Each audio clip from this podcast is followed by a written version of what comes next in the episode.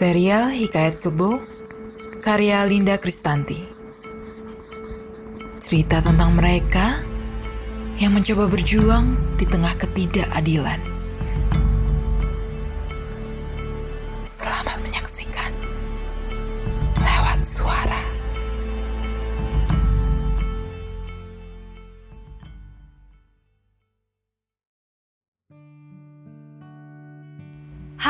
Hai, kembali lagi bersama aku Vera Margareta di podcast serial Hikayat Kebo.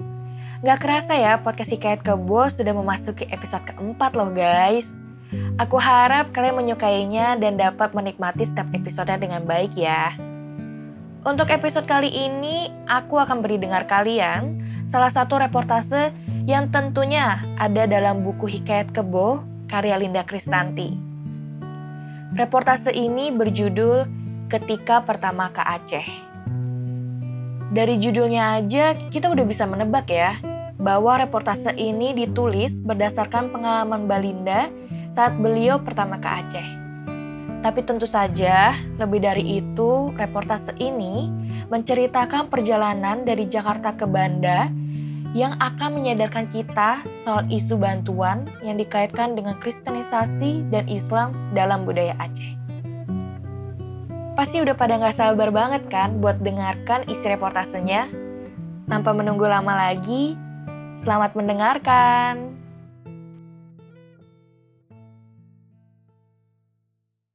Dia hampir menendang laptop saya yang tersandar di bawah kursi. Jalan di muka deretan kursi penumpang kelas ekonomi itu memang sempit.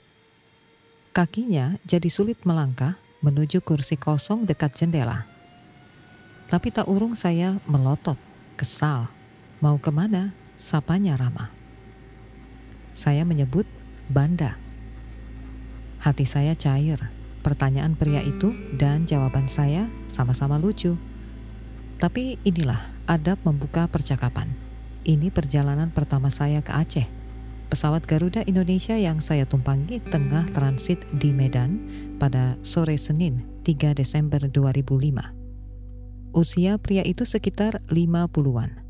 Celana jeans, sepatu kulit, arloji Rolex, penampilannya bergaya anak muda.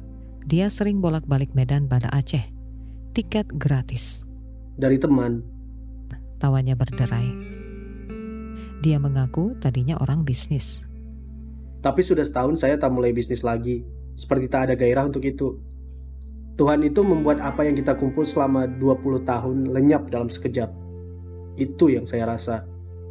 Dia baru pulang dari Kuala Lumpur, Malaysia. Kontrol, jantung saya sudah dibalon.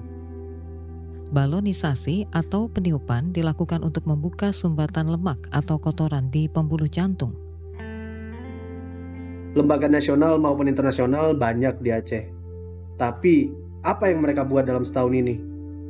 Masih ada orang yang tinggal di tenda-tenda. Ke mana dana yang triliun itu? Waktu Clinton datang, dia dibawa ke tempat yang sudah ada bantuan. SBY datang, begitu juga. Coba lihat Melabuh, Calang, Lepung.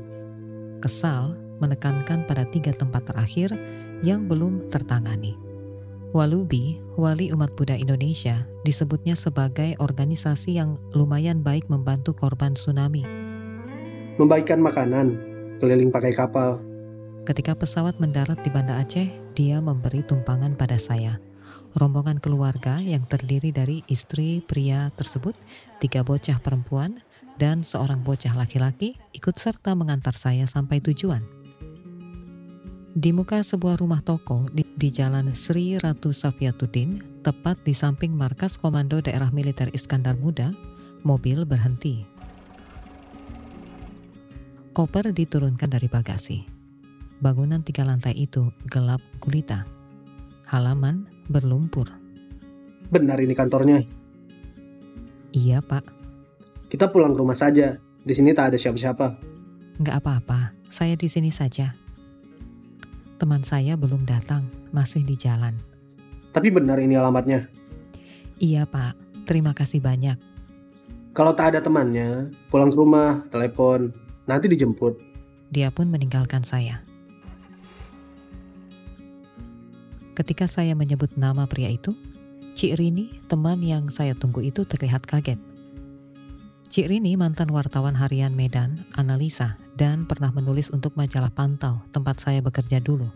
Diantar Agam Patra. Tahu nggak dia itu siapa? Katanya sih bisnis, punya travel agent. Agam Patra itu pengusaha terkenal. Dia asal Lepung. Namanya sudah terkenal sejak Rini masih kecil. Oh. Malam pertama di Banda Aceh saya tak jadi menginap di kamar. Ruang kosong melompong, lantai belum dipel, penyejuk ruang belum dipasang, air keran coklat kekuningan. Air tsunami berhenti tepat di sini. Lantai bawah tergenang setengah. Rini menunjuk ke arah dinding. Keluarga Rini termasuk yang selamat dari bencana. Hanya keluarga inti. Tapi paman, bibi, saudara-saudara banyak yang meninggal. Rumah mereka di Lamjame rata dengan tanah. Bahkan satu sendok pun Rini tak dapat. Matanya menerawang. Saya setuju menginap di rumah Cik Rini. Koper dibongkar. Beberapa helai pakaian masuk ransel. Hotel-hotel di Banda penuh sampai pertengahan Desember. Milad, ulang tahun Gerakan Aceh Merdeka, GAM, baru usai. Malam itu kami makan di Rex, tempat makan populer sejak tahun 1970-an.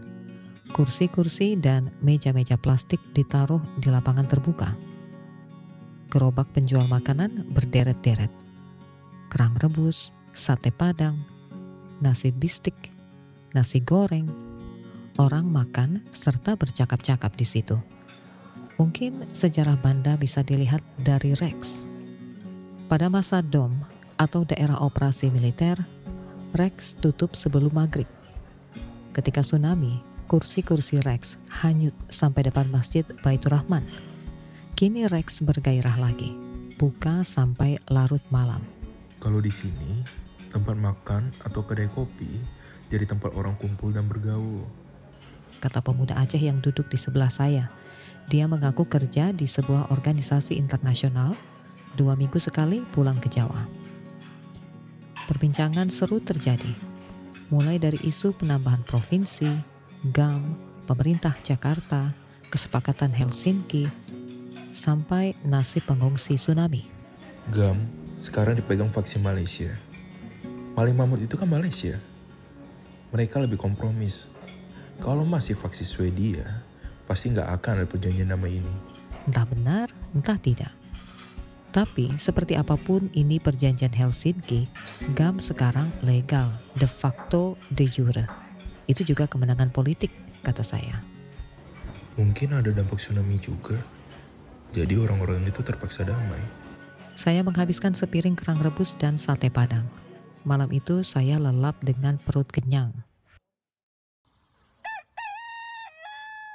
Pagi hari, saya dan Rini mulai bernostalgia. Rini bercerita tentang Alfian Hamzah, wartawan asal Bugis yang pernah lama menginap di rumahnya. Ketika itu tahun 2003. Alfian tengah meliput tentara Indonesia yang berangkat perang ke Aceh untuk majalah Pantau. Kebetulan waktu itu Ramadan. Meskipun di TV sudah ada azan maghrib, dia belum mau berbuka. Malah jalan-jalan keluar rumah. Lama-kelamaan, rahasia Alfian terbongkar. Dia jalan-jalan di halaman untuk melihat bulu tangannya berdiri. Bulu tangan tak bisa dilihat lagi kalau hari sudah benar-benar gelap. Itu menandai saat berbuka puasa. Begitulah petuah guru Alfian dari pesantren di Makassar, Sulawesi Selatan. Pesantren di mana pun punya andil besar membentuk sikap para santri dan lebih dari itu punya pengaruh terhadap kekuasaan pesantren-pesantren di Jawa sering didekati politisi bermacam partai untuk berkongsi masa. Di Aceh, pesantren dihormati para elit kekuasaan sejak berabad-abad. Konon, Sultan Iskandar Muda yang berkuasa di awal abad ke-17 biasa meminta ulama untuk menguji halal atau haram upeti kerajaan. Uang upeti dituang ke sebuah kolam. Uang halal mengambang, uang haram tenggelam uang halal dibawa pulang ke istana. Bagaimana dengan fundamentalisme Islam di Aceh? Tim Lindsay, peneliti dan profesor hukum dari Universitas Melbourne, Australia, yang tengah menulis buku mengenai hukum syariah di Aceh pernah berkata pada saya bahwa Islam radikal macam Hizbut Tahrir atau Majelis Mujahidin Indonesia di Jawa tidak mungkin tumbuh di Aceh. Konservatif, iya. Tapi menjadi radikal tidak. Kata Lindsay mengemukakan kecenderungan orang-orang Aceh. Lindsay bahkan berpendapat bahwa hukum Islam di Aceh cukup positif, termasuk hukum cambuk. Hukum cambuk tidak bisa dilakukan seorang menang. Ada cara yang tidak membuat sakit. Memegang cambuk, ada aturannya. Ketiak tidak boleh terikat tinggi. Seraya menyebut kanun-kanun di Aceh jauh lebih rapi ketimbang di Malaysia. Kanun adalah aturan administratif pemerintahan daerah Aceh. Menurut Lindsay, hukum cambuk lebih bertujuan membuat si pelaku malu dan jerah. Ada tiga perbuatan yang bisa terjerat pasal hukum cambuk, yaitu minum minuman keras, berjudi, dan berhalwat atau berduaan dengan lawan jenis yang bukan muhrim. Namun tiap daerah punya aturan tambahan. Di Takengon hari Jumat, jalan sepi. Tak ada tukang-tukang becak yang jalan. Takut mereka itu kata Yani Dharma Putra pada saya. Dia kuli bangunan asal Takengon yang memasang partisi di kantor saya. Di Takengon Aceh Tengah, laki-laki yang mangkir salat Jumat terkena hukum cambuk, yakni menganggap hukum cambuk di Aceh seperti main-main. Berbeda dengan Lindsay, dia justru ingin hukum cambuk benar-benar membuat orang yang dihukum babak belur. Seperti di Arab itu. Namun Yani mengkritik pelaksanaannya orang kecil saja yang kena hukum. Tapi anak bupati atau pejabat itu mana kena? Kalaupun kena, lama sekali prosesnya. Saya sendiri berpendapat beda dengan mereka. Masih relevankah hukum yang dibuat pada abad ke-6 atau ke-7 untuk menjawab kebutuhan masyarakat hari ini? Kalau ingin tahu asal-usul penerapan syariah Islam di Aceh, pergi ke pesantren-pesantren Sejarahnya dimulai dari sana. Di pesantren Salafi tertua di Aceh, tersimpan kitab-kitab tua soal itu. Bahkan, ada tempat untuk pelaksanaan potongan tangan. Salafi adalah satu dari mazhab dalam Islam. Aliran ini juga menyebut dirinya Ahlus Sunnah wal Jamaah atau para pengikut Nabi Muhammad. Penerapan syariah Islam juga tercermin dalam wajib jilbab. Perempuan-perempuan muslim wajib mengenakan jilbab. Dulu waktu Rini masih kecil, masa-masa Soeharto, ibu bebas pakai celana pendek dan kaos ke pasar. Sekarang sudah tak bisa lagi. Tutur ibu Cik Rini. Dia pernah diceramahi seorang pemudi berjilbab, diberi jilbab, dan diajari mengenakannya. Saya was-was bepergian tanpa jilbab di Banda. Mengenakan jilbab bagi saya sebuah proses dan harus tanpa paksaan. Tapi seorang teman menasihati. Tak usah pakai. Kalau ditanya, kamu langsung cakap bahasa Inggris saja. Kamu kan sudah mirip orang barat. Agama pula yang memicu orang bersyakwa sangka dan surat kabar yang terbit di Banda pada 13 Desember, Serambi Indonesia dan rakyat Aceh sama-sama membuat isu seputar pemurtatan atau kristenisasi yang dilakukan 17 lembaga internasional di Aceh tanpa menyebut nama lembaga-lembaga tadi yang selama ini memberi bantuan pada korban tsunami. Meski Kepala Kantor Departemen Agama Kota Banda, Ayub Ahmad, menyatakan belum menemukan bukti kristenisasi tersebut, tapi warga di beberapa tempat mulai resah. Banyak konflik berdarah di Indonesia dipicu sentimen anti-agama. Konflik Islam versus Kristen atau Nasrani misalnya, memiliki sejarah yang sangat tua. Surat Al-Baqarah ayat 120 dalam Al-Quran sering dijadikan pembenaran tindakan ini. Walan tardo angkal Yahuda walan nasara hatta tattabi'a tahun. Orang-orang Yahudi dan Nasrani tidak pernah ridho kepadamu, Muhammad, hingga kamu mengikuti jalan hidup mereka. Ayat ini diturunkan di Madinah ketika terjadi pertarungan politik untuk menentukan siapa yang layak memimpin kota Mekah. Konteksnya pertarungan politik masa itu, bukan agama. Muhammad di satu pihak, sedang Yahudi dan Nasrani di pihak lain. Namun soal masa lalu terbawa sampai hari ini dan tafsir terhadap ayat tersebut masih berkutat di soal yang dulu. Abdurrahman Wahid atau Gus Dur, mantan Presiden Indonesia yang keempat pernah berselisih paham dengan Yusril Iza Mahendra yang mengkritik kedekatannya dengan orang Yahudi dan Nasrani. Yusril adalah ketua partai Bulan Bintang. Anda harusnya mondok dulu, belajar di pesantren. Jangan sembarangan mengutip ayat, katanya pada Yusril dalam sebuah debat publik waktu itu. Gus Dur menjelaskan bahwa kata Yahuda dan Nasoro merujuk pada orang-orang Yahudi dan Nasrani di zaman Rasulullah, bukan orang-orang Yahudi dan Nasrani zaman sekarang. Agam Patra heran mendengar agama dibawa-bawa ke penanganan korban tsunami. Pemurtadan apa? Apakah ada yang sanggup memberi makan orang lapar sebanyak itu? Kalau orang-orang asing itu tak datang, mungkin sudah mati semua. Mereka itu yang pertama kali datang ke Aceh ini setelah bencana. Harus diakui, ini faktanya.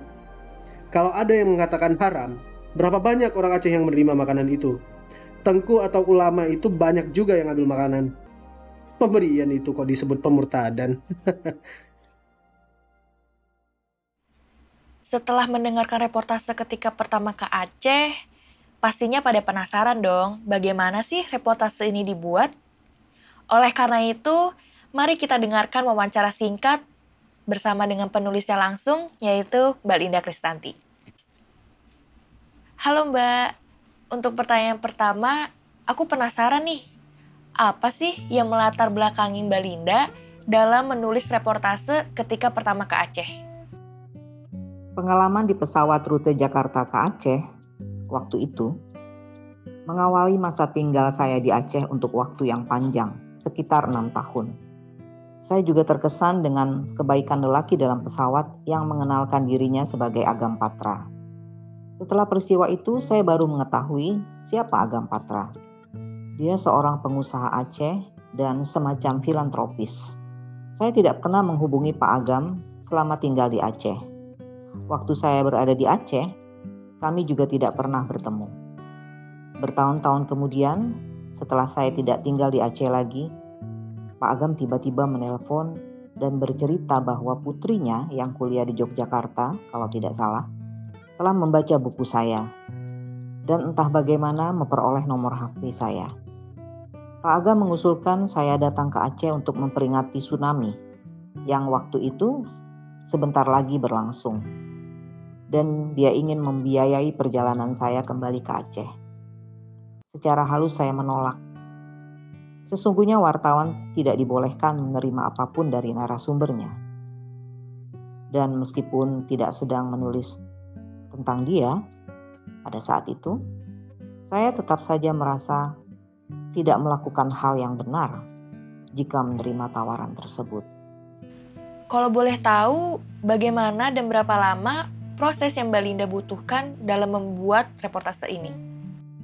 Reportase berlangsung cukup pendek karena bahan-bahan sudah tersedia dan narasumber-narasumber lain juga mudah diakses. Saya tidak ingat berapa lama persisnya, tetapi reportase ini yang paling cepat saya selesaikan dibandingkan misalnya dengan reportase Hikayat Kebo yang memerlukan banyak turun ke lapangan, observasi, wawancara, dan juga riset. Aku penasaran nih Mbak, kan bisa dilihat kalau reportase ini ditulis dari sudut pandang orang pertama. Apakah ada alasan Mbak Linda memutuskan untuk menulis dengan sudut pandang orang pertama ini? Sudut pandang orang pertama dalam gaya menulis jurnalisme sastrawi sebenarnya untuk membuktikan bahwa jurnalis melakukan sendiri reportase tersebut yang terkait dengan etika peliputan. Karena tulisan reportase dengan gaya ini membuat tulisan reportase terasa seperti karya fiksi. Awalnya para editor yang menemukan lalu mengembangkan gaya menulis jurnalisme sastrawi ini menggunakan sudut pandang orang pertama sebagai cara menguji sekaligus teknik agar laporan yang ditulis jurnalis dapat dipertanggungjawabkan oleh si jurnalis bukan hayalan, melainkan fakta seluruhnya. Sudut pandang orang pertama secara teoritis dianggap dapat membuat jurnalis benar-benar jujur dalam reportasenya. Juga membuat pembaca menyaksikan dan merasakan kejadian itu seperti apa yang dialami sosok saya sebagai narator. Saya memilih sudut pandang orang pertama berdasarkan alasan-alasan tadi. Meskipun saya sendiri tidak selalu menggunakan sudut pandang orang pertama ketika menyajikan fakta, seperti dalam reportase Hikayat Kebo, saya ingin pembaca terfokus pada sosok Kebo dan sosok-sosok lain dalam tulisan ini melalui detail dan alur cerita dengan tidak menyertakan sosok saya sebagai narator. Sebenarnya gaya menulis jurnalisme sastrawi tidak dianjurkan kepada jurnalis yang belum berpengalaman karena dikhawatirkan merancukan jurnalisme dengan fiksi dengan salah mengartikan kata sastrawi di sini sehingga mencampurnya dengan hal fiktif. Padahal sastrawi lebih pada model bercerita yang menggunakan struktur cerita fiksi atau novel dan yang disajikan adalah fakta. Pertanyaan terakhir, Mbak. Apa suka duka yang Mbak rasakan dalam membuat reportase ini? Tidak banyak kesulitan yang saya hadapi selama melakukan reportase ini. Dan saya juga merasa lebih rileks sejak awal. Salah satu penyebabnya, saya tidak kesulitan memperoleh keterangan dari para narasumber. Berbeda misalnya dengan ketika saya melakukan reportase Hikayat Kebo dan Gaya Nusantara yang membuat saya memasuki sebuah dunia yang benar-benar baru atau dunia yang betul-betul asing dengan mewawancari orang-orang dari beragam lingkungan, profesi, kelas sosial, gender, dan perspektif. Saya juga membutuhkan waktu dan proses untuk meraih kepercayaan sejumlah narasumber agar mereka berbicara dengan bebas dan mereka bersedia pernyataannya dikutip. Nah, dalam melakukan reportase untuk ketika pertama ke Aceh, saya tidak mengalami kesulitan semacam itu. Oke, terima kasih banyak Mbak atas waktunya. Nah guys, itu tadi adalah wawancara singkat aku bersama dengan Mbak Linda. Buat kalian yang jadi kepo dengan reportase-reportase lain yang Mbak Linda Kristanti tulis, Aku ingin mengingatkan sekali lagi bahwa reportase ini bisa kalian baca di buku yang berjudul Hikayat Kebo. Di sana, selain ketika pertama ke Aceh dan tiga episode sebelumnya yang sudah kalian dengarkan, terdapat 17 reportase yang pastinya dapat membuka mata kalian terhadap peristiwa yang pernah terjadi di Indonesia. Bahkan, baca sambil mendengarkan itu asik juga loh guys. Coba deh. Sebelum aku menutup episode hari ini, tidak bosan aku ucapkan terima kasih kepada Mbak Linda Kristanti selaku penulis buku Hikayat Kebo yang sudah mendukung dan memberi izin untuk reportasenya dijadikan bentuk audio. Tidak lupa juga kepada UMN dan KBR yang sudah membantu dalam proses produksinya. Dan Tentu saja terima kasih banyak kepada pendengar serial Hikayat Kebo yang sudah setia mendengarkan sampai episode keempat ini.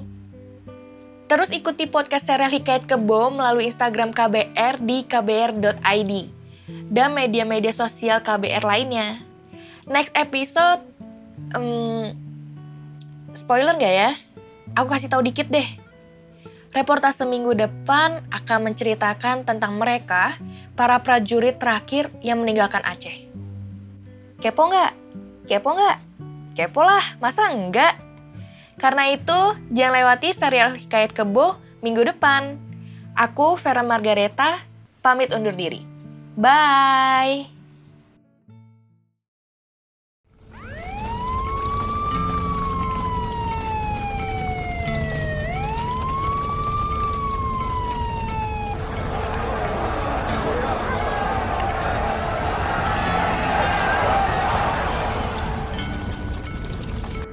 Serial Hikayat Kebo karya Linda Kristanti. Cerita tentang mereka yang mencoba berjuang di tengah ketidakadilan.